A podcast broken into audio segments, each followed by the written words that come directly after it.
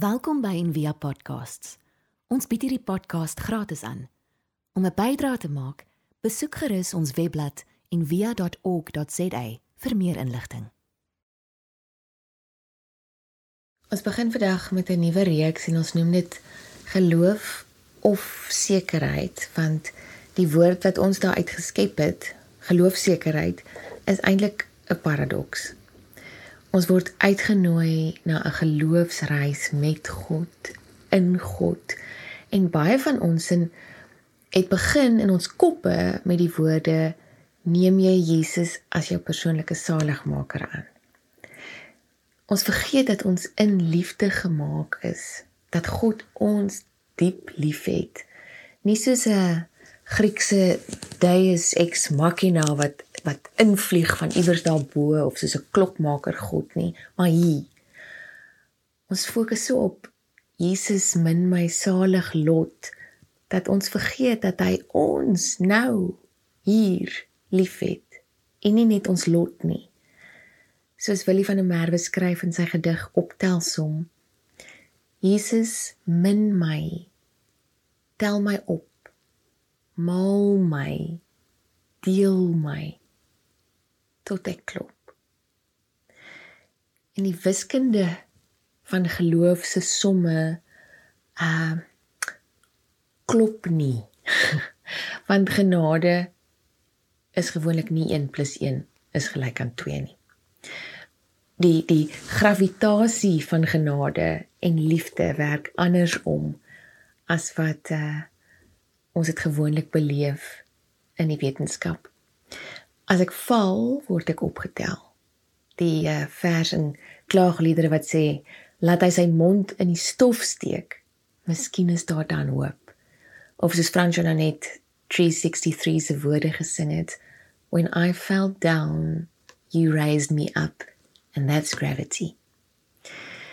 Ons is ook dikwels geneig soos wat ons nou in ons vuil was goed belydenis aan die begin ook gedoen het um, om die veroordelende mense in die kerk langsaan te minag of erger nog die ou wat langs ons sit in die kerk as ons nou weer in die kerk langs mekaar mag sit wat nie heeltemal soos jy glo nie uh, maar wat eintlik net in 'n ander seisoen of 'n ander fase van sy reis met God is.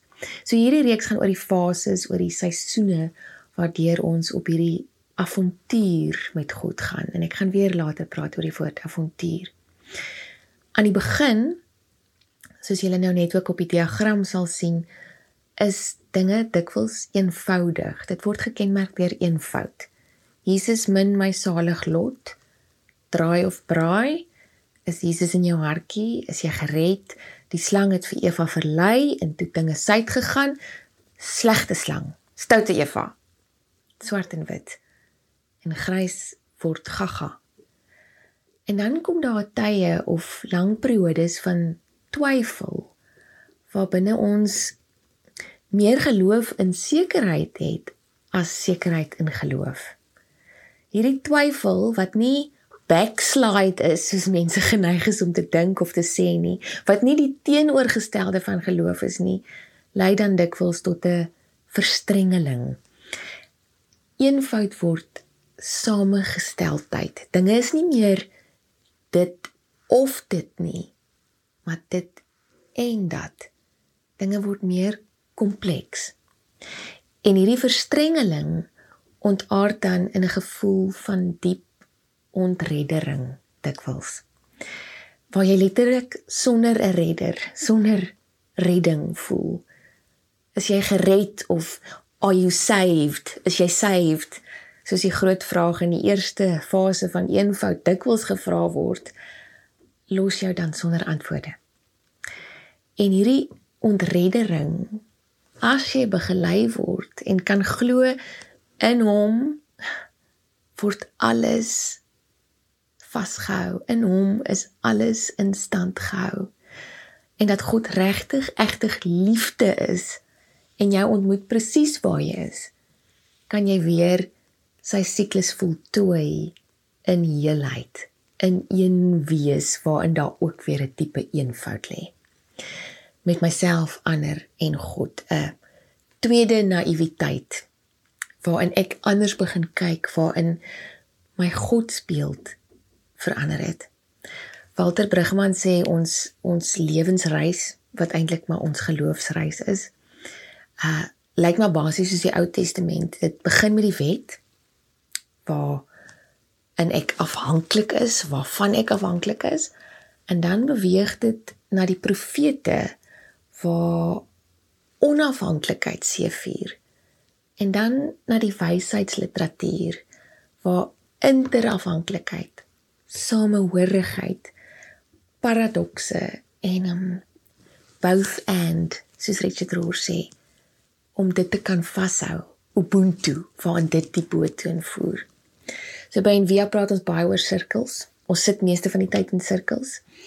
En ook hierdie fases is meestal nie lineêr nie. Dis nie soos 'n leer nie dis 'n sirkel. Kringetjies en kruisies. Dit gaan deur siklusse of soos die jaarringe van 'n boom wat wat uitbou, wat expand, wat uitsprei, wat meer boom word. Ek wil vandag net so 'n paar goeie sê, gedagte aan Petrus in die skrif wat ons gelees het oor die eerste fase, sekerheid in geloof. Mense wat buite die godsdiens of die georganiseerde godsdiens staan, noem hierdie dikwels Jesus is my boyfriend fase. En alhoewel dit gevaarlik kan raak om te dink oor Jesus as jou kerel, veral as jy jonk is, want ons weet dis jong boyfriends, meestal nie altyd nie, is daar ook 'n mooi uitnodiging. Dit wat ons gesing het. Come away, my lover. You have the whole of me lover of my soul. En ek is seker dat daar nou 'n paar liedjies in jou kop sal opkom. Die gevaar is egter dat ons nog nie begryp wat the whole of me beteken nie. En dit kan ontaard in 'n lekker gelowigheid, soos wat Sheila Cousins dit beskryf, 'n pap pietyd. Dis dis ek en my Jesus in boggery res. Nog 'n gevaar is om in hierdie fase God se seën op jou lewe te verbind aan hoe goed of welvarend dit met jou gaan. As predikers vir mense met uiterlike goederes, private jets en mansions wil wys hoe lyk dit as God se guns op jou rus. En die vir wie dit dan nie so is nie. sien God hulle dan nie raak nie? Is die vraag wat hulle vra. Um, is hulle nie goed genoeg nie? Glo hulle nie hard genoeg nie. In Adam Small se woorde voorgeles deur Dean Bali in Second Coming. Second Coming. Here, ek wil jou ook moes meet. Hoekom het ek dan so baie gesing? Moet my nie vergiet. Was dit dan verniet? So Here, as hy geklim het uit die carriage en elke man klaas met sy speech en hand geskit het al die groot manne wat so baie gebid het vir ons samelewing en ons staat voor jy klim in jou private car met jou bodyguard voor die motorcycles met die sirens jou weg eskort vir die reception by die mayor en die president ek vra jou Here please please wend en lig jou kop net eenmal op en nou dis my hier agter. Please. En smile met my. Die ander slaggat van hierdie fase is om die wet bo Christus te kies. Om so opgesweep te raak met die met die vertikale stuk van die hout van die kruis dat dat ons vergeet van die horisontale deel soos Jesus in Johannes 5 sê, julle ondersoek die skrifte omdat julle meen julle daarin die ewige lewe sal hê. Maar dit is die wat van my getuig. Maar julle wil nie na my toe kom om die lewe te hê nie of soos die message vertaling sê, you miss the forest for the trees.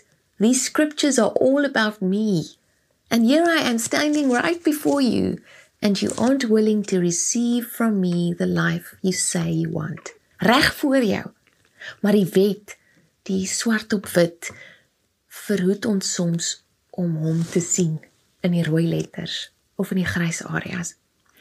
Heel party mense ehm um, wie hulle tande geslyp het in die evangelistiese tradisie en met tyd beweeg na 'n wyeer meer inklusiewe begrip van God in die lewe. Kyk later terug en beskryf hoe hulle aan die begin geveg het in die teologiese liggewig afdeling. Maar ook dit het sy plek as 'n mens werklik kan leer om jou surrenderspiere, jou oorgee spiere te begin bou omdat jy hulle gaan nodig kry as jy geweeg en te lig bevind word. En in die volgende boks kry jy moet inklim wat die geveg met jouself en jou skadu is en hopelik lei tot halftyd of teetyd of selfs 'n omhelsing. Die bokskruit word 'n vetkruit om Sheila Cousins se woorde te gebruik in 'n gedig van haar.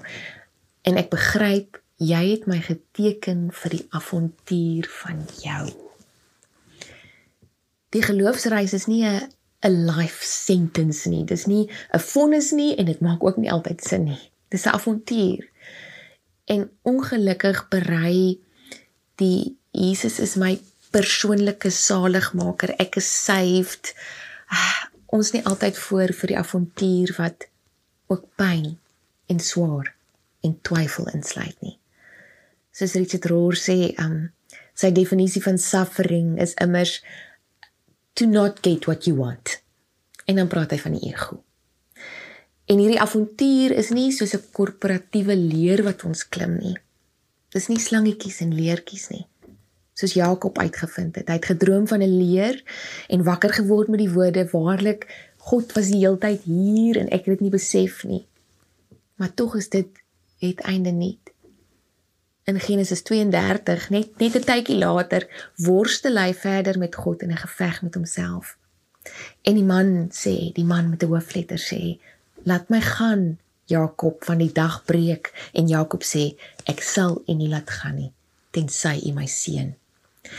En die man groet hom met die woorde: Jy sal nie meer Jakob genoem word nie, maar Israel. Insluitend, want jy het met God en mense geworstel en het oorwin.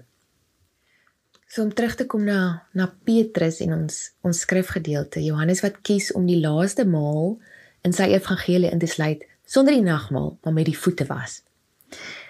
So stel jou voor, Petrus het gewag en gewag om ook eendag rabbi genoem te word en graad te vang. En die dag voor hy graad vang, sê Jesus vir hom, ons gaan nou die reëls verander. Van nou af was rabbies voete. En Petrus snap onmiddellik wat dit beteken. Dat daar nie einde is aan hierdie diensdinge nie. Dat jy nie die leer klim en op die ou en bo eindig en en en dan nie meer hoef lief te hê nie. Liefde het 'n onafwerkbare agenda. En dis presies wat Jesus sê. Jy moet in alle tye 'n dienskneg van alle mense wees en jou swattings in liefde is nooit verby nie. En daar's iets van Simon Petrus in ons elkeen. Daar's iets in Petrus wat ons te gelykertyd aantrek en skaam maak. Sy totale gebrek aan ongeredigeerde gedagtes of sonder blik of bloos beloftes of om sommer iemand se oor af te kap wat hom menigmal in die agterend kom pik het of hom aan die huil kraai. Nie een keer nie maar drie keer soos Johan sien Petrus maak nie 'n geloof uit sy beter oomblikke nie hy hy steek nie weg dat 'n graad vir hom meer beteken as 'n ruggraat nie. Hy begryp nog nie heeltemal Jesus se pad nie. Hy sien dalk nog 'n leer voor hom. En as hy net elke keer 'n trappie hoor as die slangetjies of die duiweltjies kan wees, net kan uitstyg bo sy swakhede, sal hy heel bo uitkom. Daar waar hy dink Jesus is, en dan maak Jesus op sy sagte, dog dringende manier weer vir Petrus bewus daarvan dat sy reis 'n sirkel is, dat hy nie hoef te fokus op die slangetjies nie, maar op die kruisies en die kringetjies. Die klein kruise, die voete soms vol stof wat hom keer op keer kan herinner uh, as hy dit net sal was. Sy denke kom vernuwe as hy nie net sy voete nie, maar sy hande en sy gesig en sy hele hy sal oorgee. En hoe tipies liewe Petrus, toe Jesus hom daarop wys dat sy deel in hom op die spel is, koel hy onmiddellik af. Word hy sag soos 'n lammetjie laat vaar hy sy argumente, selfs sy prentjie van van die leertjie en die slangetjies en gee totaal en al oor. Here, dan nie net my voete, my wandel nie, maar ook my hande, my handel en my gesig, my uiterlike beeld, my waardigheid, my uniekheid, my uitkyk. As ek net kan deel in U, sal ek selfs die kringetjies en die kruisies vat. Ek begryp steeds nie, maar ek voel dit aan my lyf. U raad sonder graad. U passie sonder papiere. So die uitnodiging in hierdie fase is om om te leer om onsself te bedraad of te ontdraad om te erken dat die God van Christus die die krag onder ons voete is die die diepte is van die skoonheid van alles wat om ons bestaan. En die toekoms is waarin ons beweeg, waarin ons leef, waarin ons is. In Brian McLaren se woorde in sy boek Faith After Doubt, as we release our desperate grasp on supremacy, we descend from the ladders and pedestals we have erected and we rejoin the community of creation, the network of shalom, yelite, the ecosystem of harmony. The loss is no small thing, but the gain is incomparably greater. Daar's 'n goue draad. Ons lewe hang aan 'n draad. en nie net omdat ons enige oomblik kan doodgaan nie. Maar ons lewe hang aan 'n draad, 'n goue draad wat deur alles dalk nie in 'n lyn nie, maar in 'n sirkel ons bedraad en vashou en vasbind aan hom wat alles in stand hou. Ons hoop van harte jy het hierdie podcast geniet of raadsaam gevind. Besoek gerus en via.ok.za vir meer inligting.